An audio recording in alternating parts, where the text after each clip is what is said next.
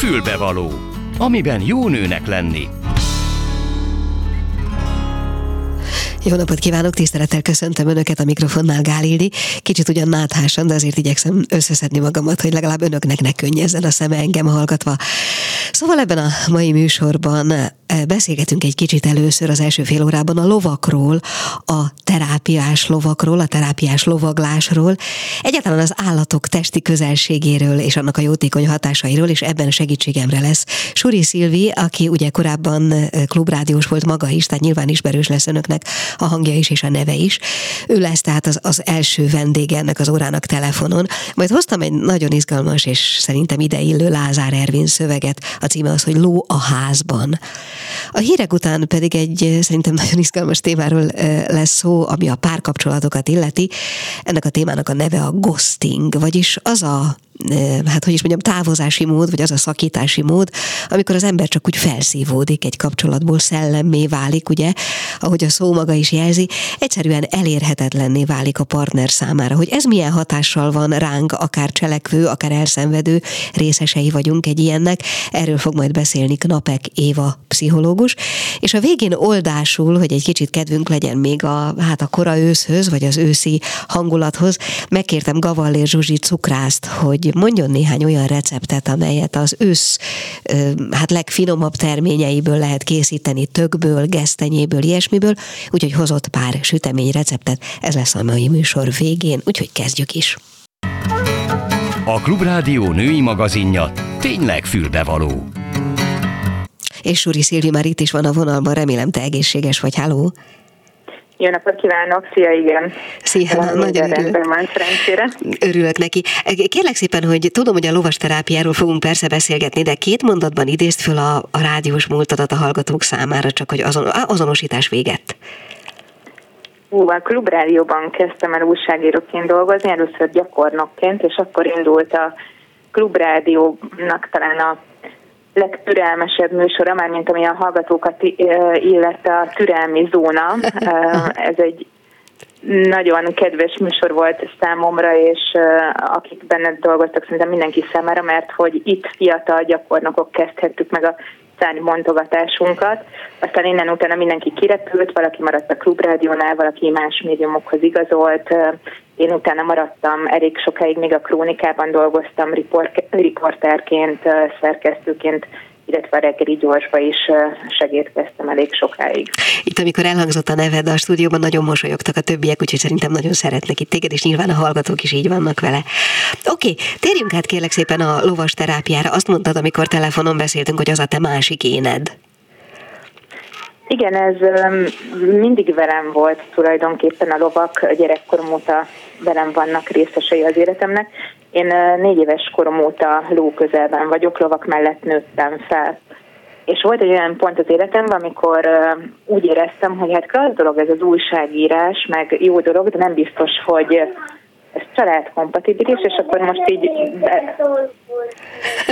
kicsi most beszélgetek egy rádióba, készülök, kérdezget egy néni a lovakról, és mesélek neki. Tehát most éppen megmutatom, hogy mit nem ja. tudtam volna megengedni magamnak az újságírás mellett. Ő mekkora, bocsánat, ha volt. Tehát Bocsánat, Szilvi, hány éves ő? Hány éves ő, aki beleszólt? Három éves, és Mi? most jöttünk haza az oviból. Akkor teljesen igaza van. szóval hallgatlak, igen. Tehát volt egy olyan pont, amikor azt éreztem, hogy nem biztos, hogy annyira családbarát dolog az újságírás, főként a belpolitikai újságírás. Nem nagyon voltak hétvégéim, ünnepnapokat nem nagyon ismertem éveken keresztül. A pörgés, a stressz, úgy gondoltam, hogy ez, ez nem biztos, hogy, hogy nagyon jó lenne egy gyerkőc mellett, és gondolkoztam, hogy hát mi az, amihez tulajdonképpen még talán úgy kedvem lenne, vagy mi az, amihez értek, és hát adott volt, hogy hát a lovak, mert hogy az akkor is folyamatosan lovagoltam, meg lovak mellett voltam, de ezt tudtam, hogy lovas edző nem szeretnék lenni, abban nem éreztem elég kihívást, és akkor valahogy szembe jött a, a lovas terápia, egy ilyen sorsszerű találkozás volt a lovas terapeutákkal, és akkor egyből ez egy nagy szerelem lett, elvégeztem a Báci Gusztáv gyógypedagógiai szakon a, a gyógypedagógus képzést, és utána ráépülve egy további két és fél éves képzés volt a lovas terapeuta. Az, szakma megtanulása. Az nagy butaság, hogyha azt kérdezem, hogy a, a lovas terápia és a lovaglás, vagy mondjuk a sportlovaglás között van egy olyan alapvető különbség, hogy az embernek barátaivá válnak az állatok, vagy az mindenképpen megtörténik? Hát szerintem a lovak mindenképpen a barátaink, ez nem kérdés. Én, én most még úgy szoktam őket hívni, hogy azon felül, hogy a barátaim, a lovak, hogy ők a munkatársaim uh-huh. most tulajdonképpen, mert hogy ők ugyanannyit tesznek hozzá egy lovas terápiához, meg ugyanannyit adnak a gyerekeknek, mint én lovas terapeuta. Tehát nélkülük ez, ezeket a sikereket és eredményeket nem érnénk el, az biztos. Akkor egy picit fejtsük meg ennek a lényegét. Az állatok közelsége, vagy ez a fajta test közelség, ez nyilván már önmagában terápiás, nem? Persze nagyon jó hatással vannak a lovak a gyerekekre, tehát egyrészt egy egy nagyon kedves, nagytestű, szőrös, puha állat, amit imádnak a gyerekek simogatni, tapizni, kézből etetni őket, tehát ennek is van már egy, egy terápiás hatása, plusz ugye motiválja a gyerekeket folyamatosan a, a ló, tehát nem biztos, hogy mondjuk egy klasszikus gyógypedagógiai fejlesztésnél azokat a feladatokat mondjuk egy íróasztalnál megoldaná a, a gyerek, de mondjuk a lóháton, vagy a ló kedvéért simán megcsinálják azokat. Aha. Igen, azt hiszem értem. Mond, minden ló alkalmas arra, hogy terápiás állat legyen? Nem, nem, nem, nem. Öm, mert szigorú öm, öm, meg van hogy főként milyen lovak, lótípusok alkalmasok erre, de kimondottan van számukra egy vizsga, tehát le kell vizsgáztatni a lovakat a lovas terápiás vizsgán, különböző feladatokat kell tudniuk megcsinálni, nyugodtan maradni, békében maradni, tehát hogy el lehet ezt képzelni, hogy hogy egy eltérő fejlődésű gyerek a ló hátán az elég sok mindent csinál, és ezt a lovaknak ezt bírniuk kell. Ez a türelmi zóna. Nem reagálhatnak rá, nem ö, mozdulhatnak meg, tehát ö, őket ezekre ki kell képezni, ez tulajdonképpen egy stressz terápia nekik, amit először meg kell nekik tanítani, utána lehetnek csak alkalmasak lovas terápiára. Csak azzal vágtam közben, mondtam, hogy ez a türelmi zóna, mint annak idején esetetekben ja. itt a rádióban. és, nem az borzasztó és kik, azoknak, kik azok a gyerekek, illetve felnőttek, tehát akiknek elsősorban ajánlanád a lovas terápiát? Mi korai fejlesztéssel foglalkozunk, tehát mi elsősorban csak gyerekekkel foglalkozunk, és eltérő fejlődésű gyerekek járnak hozzánk. A mi klienskörünk az főként tanulási zavarokkal küzdő, magatartás viselkedés zavarokkal küzdő, autizmussal élő, hiperaktív gyerekek, nem látó, nem halló gyerekek, Down-szindrómás gyerekek. És egyébként jó, a ti klienseitek körében nem szerepelnek felnőttek, de egyébként foglalkozhatnak felnőttek is ezzel? Vagy segít felnőtteken is? Igen, a, lo- a lovas terápiának három ága van, ezt nagyon fontos elmondani. Van a gyógy pedagógiai lovaglás, ezzel foglalkozunk mi, és ez főként tényleg gyerekeknek, gyerekek számára ez egy korai fejlesztés. Van a hipoterapeuta ága a lovas terápiának, azt gyógytornászok végzik, és ez főként a mozgás fejlesztésére irányul, tehát itt főként a mozgásukban akadályozott gyerekek és fiatalok, valamint felnőttek járnak hipoterápiára, és van a harmadik ága a lovas terápiának, az a pszichológiai lovaglás, azt szigorúan csak pszichológusok végezhetik, és ott, ott ilyen korhatári megkötés egyáltalán nincsen. Most nem akarom feltétlenül ilyen bulvároldalról megközelíteni a dolgot, de el tudnál mesélni esetleg egy sikertörténetet, tehát hogy mégis milyen módon mérhető, érzékelhető ennek a hatása? Ez, ez nem, nem bulvár lesz, mert hogy mi folyamatosan mérjük az eredményeinket, tehát ez inkább ilyen tudományos megközelítés lesz. igen? igen, tehát hogy, hogy mi mindig amikor hozzánk érkeznek a gyerekek, akkor készítünk velük egy úgynevezett bemeneti mérést, ugye megnézzük, hogy mi az, amiben nagyon ügyesek, mi az, amiben kicsit eltér a fejlődésük, mi az, amit mindenféleképpen fejleszteni kell, akkor ez alapján, a felmérés alapján készítünk mindenkik egy egyéni fejlesztési tervet. Ugye minden gyereknek más az erőssége, gyengesége, más típusú játékokat, feladatokat kell velük végezni terápia közben, tehát valakinek mondjuk tényleg a mozgását ügyesítjük, valakinek a kognitív képességeit, valaki beszédbeindításra érkezik, valakinek a szociális készségei gyengébbek, és azokra helyezzük a hangsúlyt. Tehát nincs két ugyanolyan terápia, tehát teljesen más, más, hogy néznek ki a terápiás foglalkozások, és aztán tíz alkalom után megmérjük a a gyerekeket, hogy hogyan változtak, mi az, amiben előrébb léptünk, mi az, amiben mondjuk még kell fejleszteni őket, és akkor az alapján írjuk újra, mindig a fejlesztési terveket meg úgy módosítjuk, de hogy, hogy ilyen, jó, tehát hogy akkor ilyen bulváros sikertörténet volt, hogy nálunk állt talpra egy gyerek, tehát hogy mondjuk hozzánk érkezett öt évesen úgy, hogy nem tudott még felállni, nem tudott járni, sőt még az ülés is nehézséget okozott számára, mert a, a, annyira gyenge volt az izomtónusa, a törzs fixációja nem alakult ki, és ez szépen, hát nem azt mondtam, mondom, hogy egy hónap volt, hanem egy, egy év kemény munkája, de fölállt, elkezdett járni, ma már fut, szalad, focizik, ez e, a mozgás után természetesen beindult a beszéde is, mert ezek egymásra épülő folyamatok, most már gyönyörűen beszél, és egy teljesen, hát idézőjelben normális, integrált iskolába jár.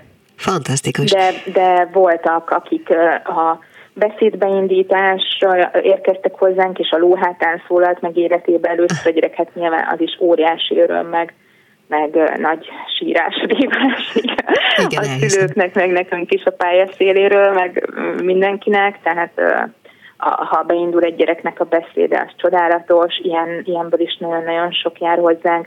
Mutista gyerekeknél nagyon hatásos a lovas terápia. Mutista gyerekek azok, akik tudnak beszélni, mondjuk otthon a szüleikkel, vagy, vagy biztonságos családi környezetben, de mondjuk más, máshoz egyáltalán nem beszélnek, nem szólalnak meg.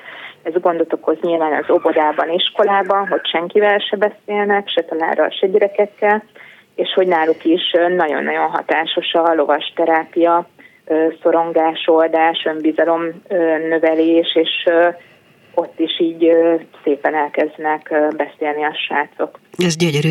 Mond, az elején ugye említetted azt, hogy az, a barátság az mindenképpen kialakul állat és ember között, de mondjuk egy ilyen egy egyéves terápia alatt az, aki terápiára jár, az ugyanahoz a szakemberhez és ugyanahoz a lóhoz érkezik mindig? A szakember az mindig változatlan, fix, igen. A lovakat csak annyiban cserélgetjük. Nekünk öt lovunk van, mindegyik nagyon cuki, helyes lovacska, és mindegyiket imádják a srácok tehát a, a lovaknál néha, ha van változás, hogy mondjuk most nem a tádi, hanem a bandi, vagy nem a bandi, hanem a jucika jön, de, de hogy ezzel nincs gond, mert hogy hát mondjuk, na, azért ez se igaz, mert hogy azért az autizmussal élő gyerekek számára a fix, megszokott ö, ö, lovak azért, meg a, a kialakult menetrend az, az számukra nagyon fontos, tehát azért náluk próbáljuk tartani ugyanazokat a lovakat, de hogy a, a többiek esetében nem, nem okoz fennakadást, hogyha ha váltjuk a lovakat. De mond, és azt lehet érezni, hogy a lovak kit szeretnek? Mondjuk téged szeretnek-e? hát amikor alma vagy répa van nálam, akkor mindenképp, azt tuti, Igen. akkor nagyon szeretnek. Um, a, az biztos, hogy a gyerekekkel egészen másképp viselkednek, sokkal uh, türelmesebbek, uh, nagyon szeretik a gyerekeket tényleg, tehát hogy, hogy ez látható. És vannak tényleg olyan öm, csodák, de, de egyébként nem csoda, mert hogy, hogy ennek is megvan a, a racionális ö, ö, alapja, hogy például epilepsziás gyerekeknél ö, volt ö, azt, hogy a lovam egy perccel korábban jelezte, hogy rohammal lesz a Aha. gyereknek. Az első ilyen jel, jelet nem tudtam kódolni, Aha. de aztán utána megfigyeltem, hogy lovam elkezdett idegesen, és a lábával kaparni a földet, és korábban sose csinált ilyet. És aztán utána eltelt egy perc, és rohama lett a, a kisfiúnak a lóhátán, és utána ezt már ugye összekapcsoltam, és figyeltem folyamatosan, a ló mindig előre jelezte, hogy roham következik, és akkor na, ez nagyon szuper volt, mert hogy egyből le tudtuk szállítani a gyereket, mielőtt a roham bekövetkezett volna. Tehát a ló jelezte, hogy valami történni fog, leszállítottuk a gyereket, és rá egy persze valóban rohama lett a gyereknek. Elképesztő.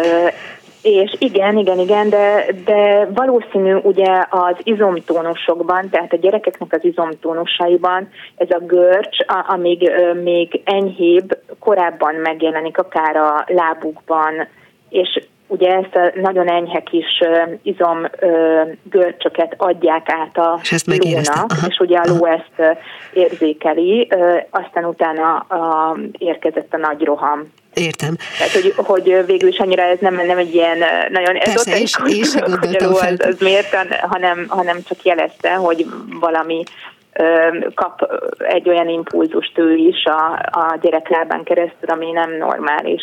Értem. Mond Szilvi, egy utolsó kérdés. Amikor te teljesen szabadon ö, vagy a lóval, akkor azt hogy képzeljem el? Ráülsz néha, és azért így ö, hát elengeded magad, vagy azért ilyenre már nincs idő?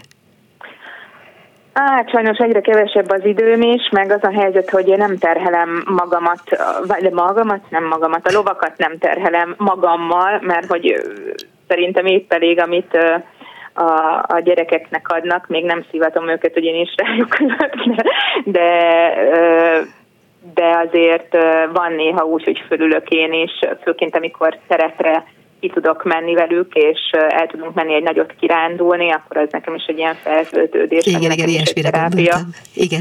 Jó, hát nagyon szépen köszönöm, hogy rendelkezésünkre álltál. Nagyon sok izgalmas, érdekeset megtudtunk erről. Köszönöm szépen, Suri Szilvit hallották. Szia. Én köszönöm, sziasztok!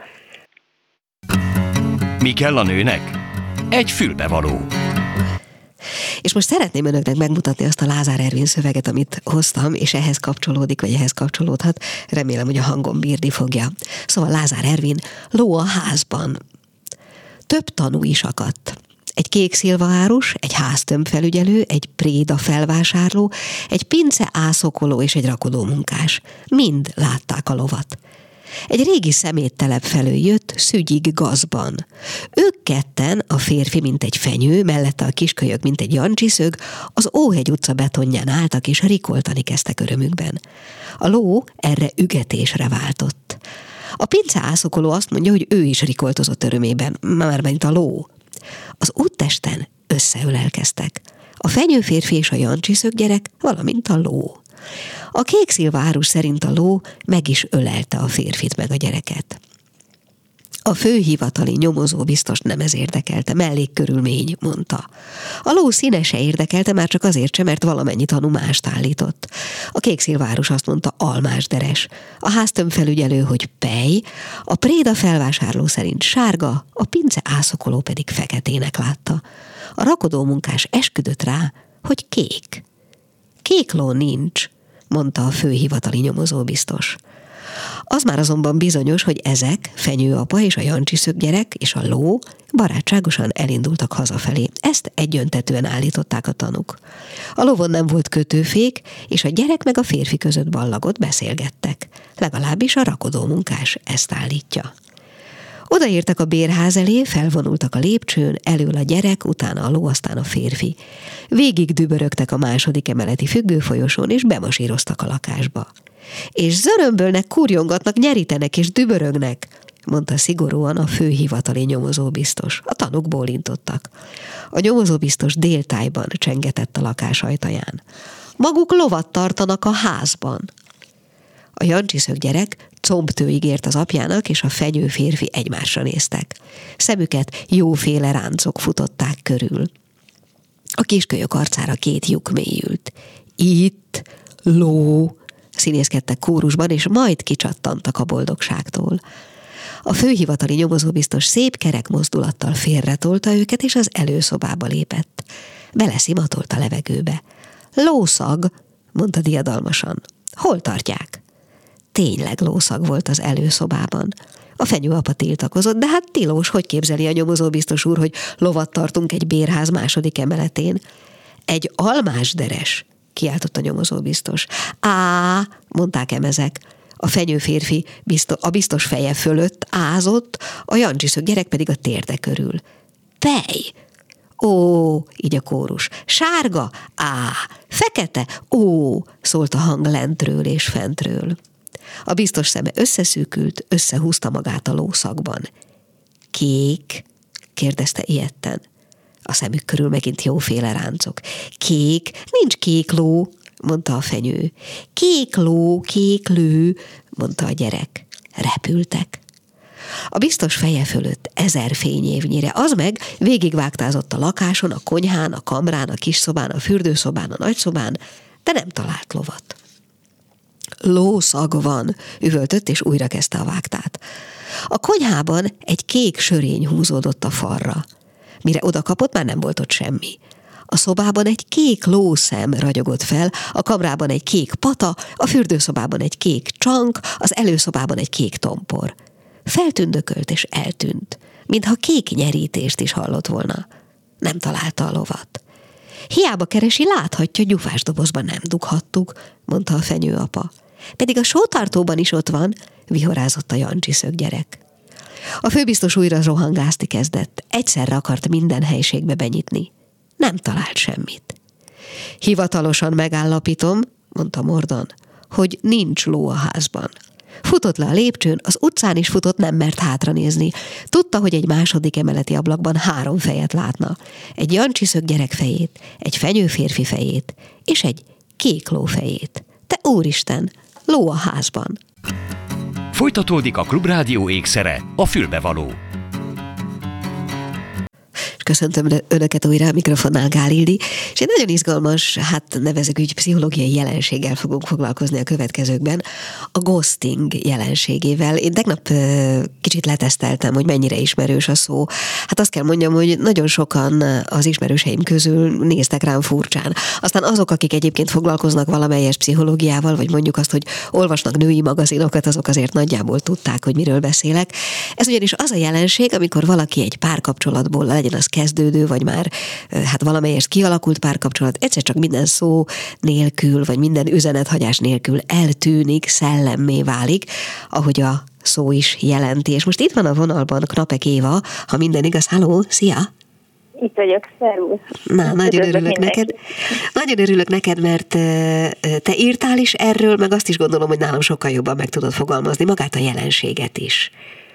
Igazából tökéletesen megfogalmaztad, hogyha valaki úgy zár le egy kapcsolatot, nem feltétlenül csak párkapcsolatban létezik ez a jelenség sajnos, de párkapcsolatoknál foglalkoznak ezzel a legtöbbet, hogy minden magyarázat nélkül teszi azt, és nem reagál onnantól a megkeresésekre, mintha nem is létezett volna soha. Azt ghostingnak hívjuk, szóval tökéletesen elmondtad. Mm. Az, hogy nekem az volt az első gondolatom, amikor ennek egy kicsit utá- utána olvastam, hogy talán az internet, vagy az interneten való kapcsolódás lehetősége ezt azért nagyon megkönnyíti, nem? Abszolút, és szerintem vagy nem biztos, hogy megkönnyíti, lehet, hogy nem is fogalmaznék, de hogy jóval észrevehetőbbé vált ez a számunkra. Tehát, hogy lehet, hogy az internet használat előtt is megtörtént ez velünk, csak nem veszünk észre. Mondjuk amúgy is csak három havonta találkoztunk volna valahol, mikor egyik településről átmentünk a másikra, és így meg jobban észre lehet venni, hogy olvasta az üzenetünket, de már soha többet nem reagált, szóval szerintem láthatóbbá tette ezt a jelenséget. Meg tudod nekem magyarázni azt, hogy akár, a, akár az elszenvedői, akár a cselekvői oldalról, ez tulajdonképpen mi mindent jelent. Valaki tegnap nekem azt mondta, hogy ugyan már hát becstelen ember mindig is volt. Én meg azt gondolom, hogy ez nem ilyen egyszerű ezt a szót nem értettem, hogy becstelen. Igen, azt fogal, így ember. fogalmazott valaki egy férfi, hogy hát ugyan már hát mhm. egyszerűen becstelen valaki, aki így zár le egy kapcsolatot. Ő a párkapcsolatok területén értelmezte ezt így. De hát nyilván ez nem ilyen egyszerű. Azon van, vannak helyzetek, amiben a felelősségvállalásnak a hiányát mutatja meg, és tényleg a, a jellemnek egy olyan szintje kell ahhoz, hogy, hogy elé tudjunk állni a másiknak, hogy szeretnénk ezt lezárni, amivel nem feltétlen tehát ebben nem szeretnék morális Világos, persze. nem szeretnék morális kategóriát csinálni, de nem mindenki tart még ott, hogy ezt könnyedén megtegye felvenni, vállalni. De hogy szerintem sokszor az is van, hogy rossz tapasztalatai vannak az embereknek azzal kapcsolatban, hogy meg lehet ezeket beszélni, ha felhozom, nem harapózik el. Aha.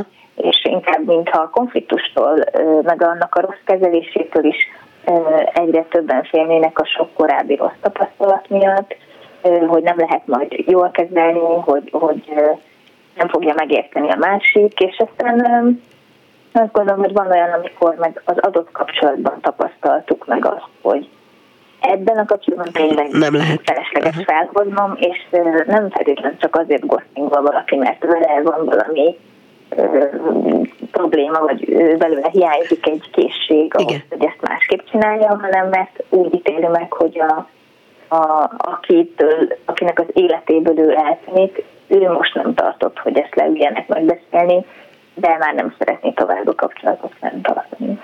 Van-e olyan tapasztalatod, érkezik-e hozzád esetleg olyan kliens, aki, akivel mondjuk így szakítottak akár egy párkapcsolatban? Mm, arra vagyok csak pontosan kíváncsi, hogy mennyi ideig tart ennek a ilyen értelemben való feldolgozása, vagy meddig, meddig remél az ember? Volt olyan barátom, aki szerintem még évek múlva is arra várt, hogy megérkezzen az a bizonyos SMS vagy üzenet. Ez nagyon függ szerintem attól, hogy mennyire volt intenzív előtte a kapcsolat, mennyire tűnt fontosnak az a kapcsolat, hogy egy lángoló szerelmet ilyen módon elvágni, olyan, mintha az embernek kiszakítanák a szívét. Szóval éppen aktív szerelmes állapotban ezt megtapasztalni jóval nehezebb, mint egy két randi után, amikor még nem lettem szerelmes, hogy nem érdekel annyira a másik, de már azért így kezdek bevonódni szóval nagyban függ ezektől. Meg leginkább szerintem az önértékelés az, ami befolyásolja, hogy hogyan értelmezem, ami történt. Na, én nagyon nem vagyok ellen magammal, vagy nincs elég önismeretem ahhoz, hogy megértsem, hogy esetleg én hol rontottam el, akkor évekig is rágódhatok azon, hogy ott mi történt, és válaszolni nem lesz a másiktól. Tehát nekem kell összetenni egy, egy értelmezését, egy olvasatát az egész történetnek, és ha nincs elég információm saját magamról, meg arról, hogy ott mi történt, és nem vagyok eléggé önreflektív, akkor ezt nehéz lesz összerakni ezt a történetet. Ugye nagyon sokan különböző témákról szólván mondják azt, hogy az ember, amikor nincs elég jó a saját magával, vagy nem tartom magamat elég jónak, akkor az ugye számtalan későbbi, hát hogy mondjam, feszültség forrása. Készítettem már interjút így induló, vagy hát ezt hangsúlyozó szenvedélybeteggel. Tehát nagyon sok minden kinőhet abból, hogyha én nem vagyok magamnak elég jó, vagy szerintem magamnak nem vagyok elég jó.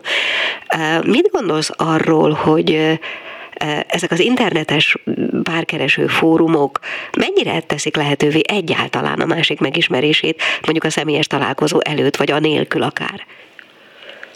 Szerintem ez egy nagyon női helyzet, hogy eleve azért vagyunk fent egy platformon, hogy párt keressünk, és már az első beszélgetéstől kezdődően mindketten tudjuk, hogy az a cél, hogy valahogy lemegyük a másikat a lábáról, és majd ezért fogunk találkozni, és ez egy ö, olyan nem teljesen reális ö, helyzetet teremt, amiben hatást akarok elérni, amiben kutatom, hogy vajon milyen hatást értem el. Következésképp hazudok is? Következésképp a hatni akarásokán rögtön? Szerintem sokan hazudnak ezekben a helyzetekben, sokszor maguknak is, de hogy nem feltétlenül nem ezt hazugságnak, de hogy a legjobb akarom mutatni magamból, és mondjuk letadadom a, a, a felét, vagy a, a, a reális képet adó másik oldalt, mert azt nem szívesen mutatom meg magamból, és hogy egész máshogy párt keresni, és ezt hangsúlyoznám, hogy ebbe az irányba kéne visszatalálni, hogy ahol véletlen találkozunk valahol, és szereztük egymás szimpatikus, a másik aztán három hónap múlva találkozunk megint valahol, és megjegyzem, hogy ó, már korábban is nagyon szimpatikus volt, el a kettő között három hónap, de hogy, hogy, hogy nem tudatosul a folyamat során, hogy mi végül is elkezdtünk egymáshoz vonzódni, hanem amikor már kialakul a kapcsolat, reflektálunk együtt rá, hogy emlékszel egyébként, mikor először találkoztunk, hát én már akkor is ilyesmiket gondoltam róla, hogy nagyon tetszett, ezért annyira nem tudatosult, és hogy hogy ott nem akarok direkt hatást kelteni. Tehát azt mondod, hogy ennek az egész internetes ismerkedési lehetőségnek az a nehézsége, vagy az a hátulütője, hogy, hogy eleve ott van egy ilyen cél, ami, ami aztán megbénít bizonyos helyzetekben szorongást kelt, és így tovább, ugye? Valami ilyesmi? Igen, vagy hogy többnek akarom amiatt mutatni magam, és hogy, hogy ez adja az önértékelés alapját nagyon sok fiatalnak, hogy, hogy hány meccse van az ilyen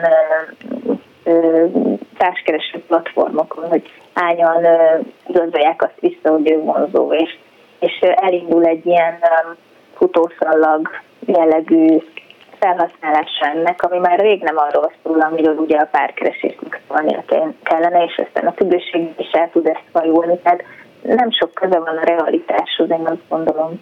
Hát meg ahhoz a belső, én azt szoktam mondani, hogy tőkesúlyhoz sincs sok köze, ami ugye akkor is működni kéne, hogyha kívülről nem feltétlenül igazol vissza mm, akárhány like. Igen. Jó, beszéljünk egy kicsit még kérlek arról, hogy milyen típusú kapcsolatokban jelenhet meg még a ghosting a párkapcsolatokon kívül. Barátságokban is uh, hallottam már ezt, meg, meg induló ismerettségekben is, amikor így nem feltétlenül tudom hova tenni, hogy annyira úgy tűnt, hogy szimpatikusak vagyunk egymásnak. Most ezek, ilyen esetekben nyilván nem magamról beszélek, hanem csak úgy általános alanyként fogalmazok igen, így. De hogy a barátságok azok, amikben még nagyon gyakran hallom, hogy úgy fáj, hogy nem tudtuk megbeszélni, és eltűnt, és mai napig nem tudom a magyarázatát. És egyébként mit gondolsz arról, hogy ezeknek a típusú eltűnéseknek mennyire érdemes utána nyúlni? Úgy értem, hogy az a megoldás, hogy az ember otthon töpreng, töpreng hetekig, hónapokig, évekig attól függően, hogy éppen mennyire volt a dolognak, vagy a dolog számára fontos, vagy egyszerűen kezdje el bombázni az illetőt, amíg választ nem kap. Nehéz válaszolni már, mert ugye határokat is érdemes betartani. Tehát ha másik nem akar velem beszélni, bombázni őt, az nem azt mutatja, hogy tiszteletben tartom az ő határait, és hogy bármiről is szóljon az ő döntése, hogy ugye most nem akar velem beszélni, az az ő döntése, és ebbe nem biztos, hogy nekem van jogom beleavatkozni, viszont nyilván van jogom magyarázatot várni, főleg egy fontos kapcsolatban, és meg lehet próbálni, csak épp ez a nehéz a ghostingban, hogy az igazi ghostingnál én hiába írok, hogy kérlek beszéljük meg. Ha ő ghostingolt, akkor vagyis szellemé változott, akkor szellemé változott, nem fog válaszolni. És ez az, ami miatt a feldolgozás olyan nehéz. Igen, hát ezzel most megint talán visszajutottunk oda, hogyha mm. magammal kéne valamennyire rendbe jönni ahhoz, hogy ez a dolog emészthető, építő legyen a továbbiakra nézve, nem? Így van, bár azt gondolom, hogy nem feltétlenül építő minden nehéz élmény, ami velünk történik, hanem, hanem van, hogy el kell fogadnunk, hogy az életnek része az, hogy nem mindenkivel jövünk ki jól, nem csak jó dolgok történnek velünk az életben, és nem, nem mind az épülésünket szolgálja feltétlenül. Jó ebben hinni, nagyon sokat segít, ha értelmet tudunk tulajdonítani a velünk történő rossz dolgoknak, de az is rendben van, ha azt mondom, hogy ez rossz volt, megtörtént, de túl vagyok rajta, de nem attól épültem, hogy rossz dolgok történtek velem. Hát akkor lehet, hogy csak az az építő, hogy egyáltalán tovább tudok lépni. Így van, így van. Vagy, vagy az, hogy nem billent ez már úgy ki engem az önértékelésemből, a pozitív önértékelésemből, mint régen. Rossz dolgok sajnos mindig történhetnek. Hát jó, én nagyon szépen köszönöm, hogy egy kicsit megvilágítottad nekünk ezt a kérdést, nagyon érdekes volt.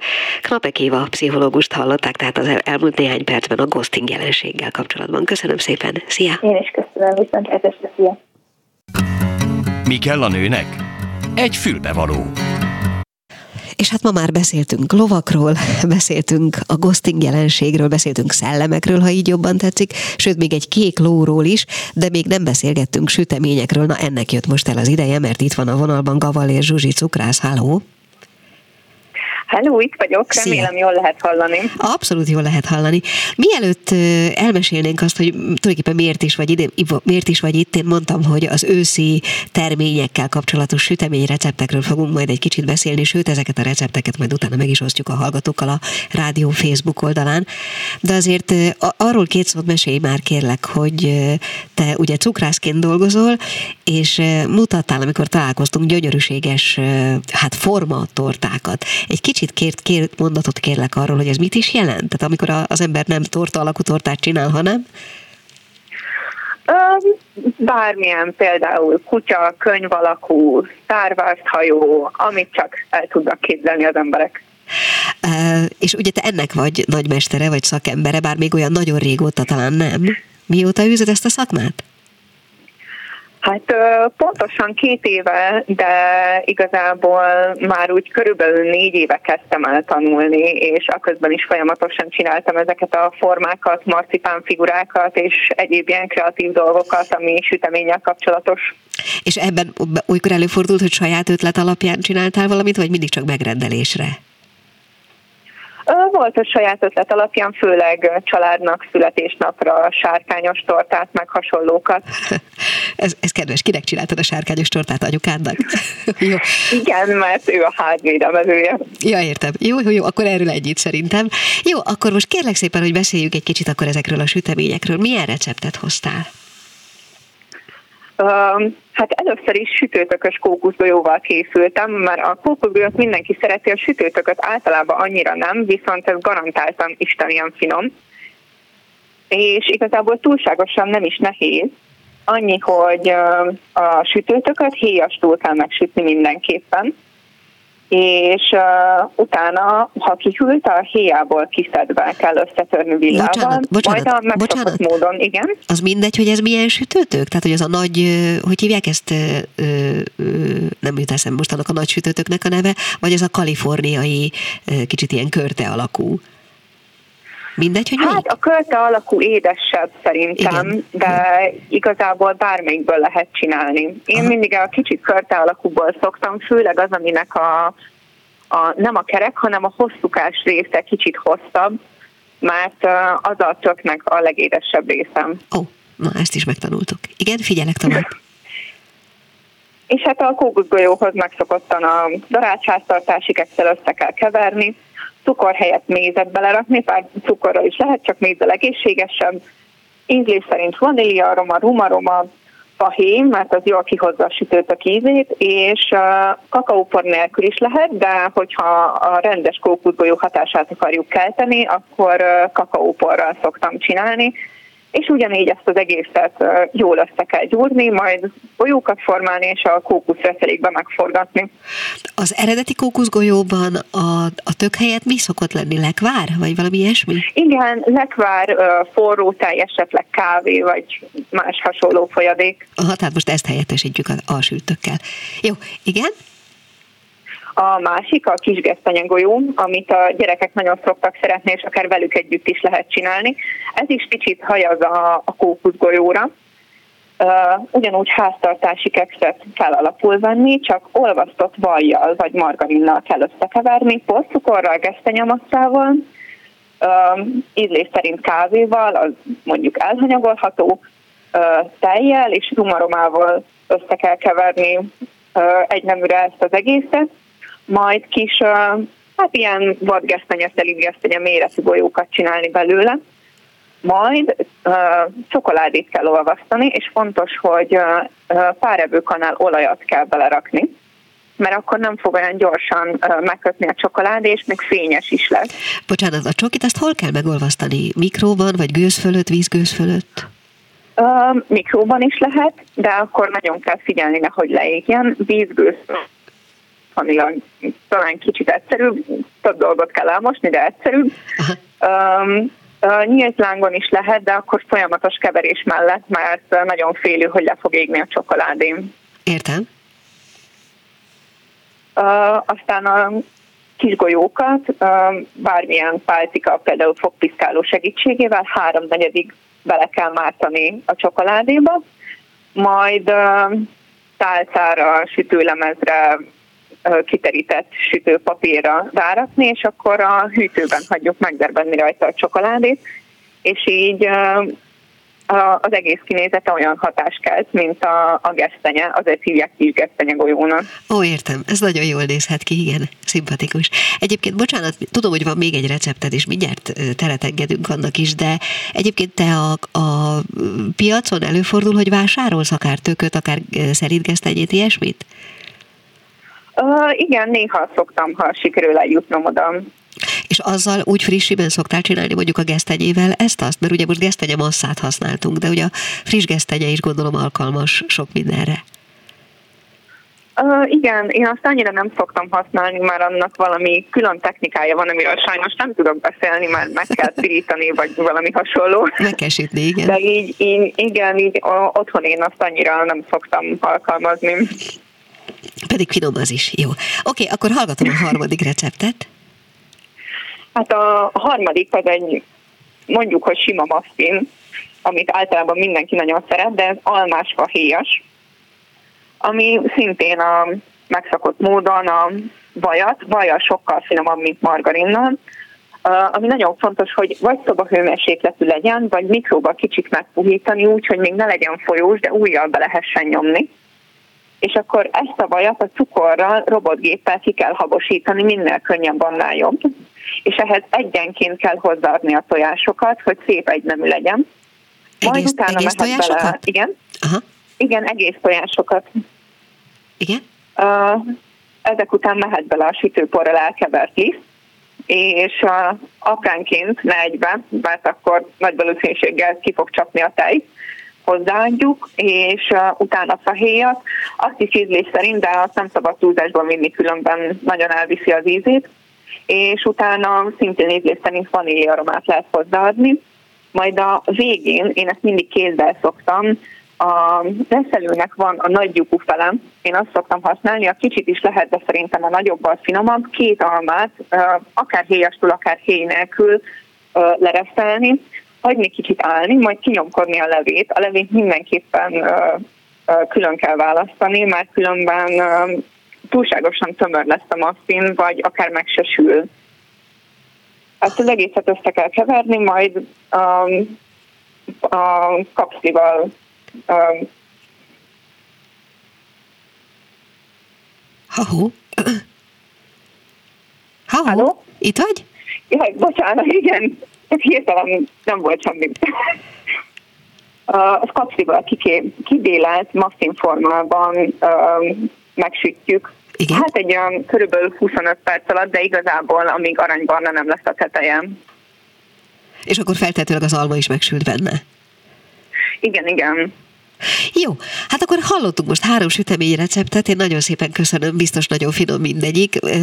Kedvem is támadt az egyiket kipróbálni, és hogyha a hallgatók is így vannak vele, akkor ezeket a recepteket nem kellett most megjegyezni, mert megtalálják majd a Facebook oldalunkon. Én Gavallér Zsuzsi Cukrásznak nagyon szépen köszönöm, hogy egyáltalán rendelkezésünkre állt. Köszi szépen, szia! Én is köszönöm, viszont! A Klubrádió női magazinja tényleg fülbevaló. És az igazság az, hogyha bírják még ezt a náthás hangomat, akkor én hoztam még egy icipici verset, ami talán kapcsolódhat a ghosting témájához is. Egy nagyon kedves barátunk, barátom írta, és tulajdonképpen én azt hiszem, hogy a színész létről szól, de hát remélem, hogy összekapcsolódik az önök fejében is, az enyémben úgy lett. Baj László írta ezt a verset, és így szól. Két órába sűrűsödik egy élet, az idegvégződéseidet rongyosra izzadod. Két végén égeted a rostokat, saját lelkedből táplálod a másikat, nem tudod melyik vagy, ez vagy az, a végén az egyik meghajol, a másikat elhagyod valahol, de benned marad egy része, néha az egésze, nem hagy, nyűszög, zakatol, míg ki nem iszod magadból. Ennyit át a vers.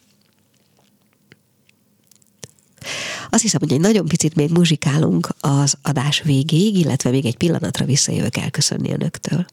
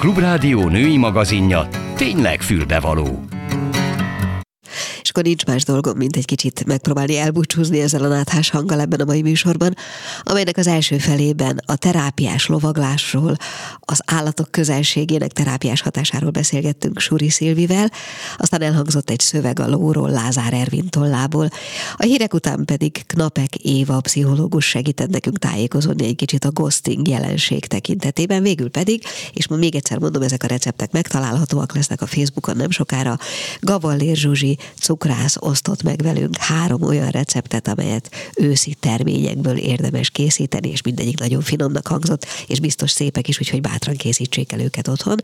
Ez volt tehát a mai fülbe, fülbevaló, jövő héten is várom önöket, Gálildit hallották viszont halásra.